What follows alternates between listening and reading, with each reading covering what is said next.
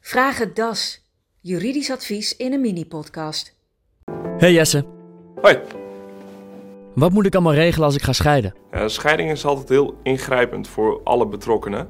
Daarom is het heel belangrijk dat je samen met je ex-partner duidelijke en goede afspraken maakt over bijvoorbeeld je woning, eh, je gemeenschappelijke bezittingen, eh, schulden en als je ook kinderen hebt, zeker over je kinderen. Ja. Nou, al deze afspraken die leg je vast in het echtscheidingsconvenant.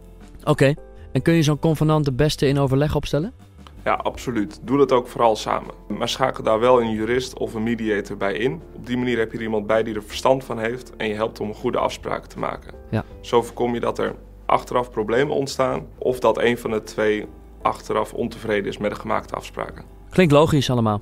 Maar waar moet je precies afspraken over maken? Onder andere over de verdeling van eh, je vermogen en van je schulden. Je hebt namelijk eh, allebei recht op de helft van je vermogen, maar je deelt ook allebei de helft van de schulden. Oké. Eh, Daar kan je in overleg wel samen van afwijken. Mhm. Daarnaast is het ook belangrijk om eh, afspraken te maken over de verdeling van je spullen.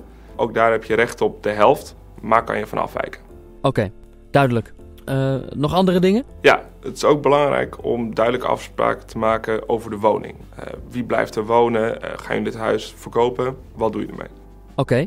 En hoe zit het met financiën? Eh, dat is vaak een groot struikelblok en daarom ook belangrijk om afspraken over te maken. Zo moet je bijvoorbeeld denken aan, heeft iemand recht op partneralimentatie? En ja, hoe hoog is die dan? En hoe lang duurt dat? Daarnaast doe je bijvoorbeeld afstand van je pensioen of van je nabestaande pensioen. Ook daar heb je in principe recht op de helft, tenzij je er afstand van doet.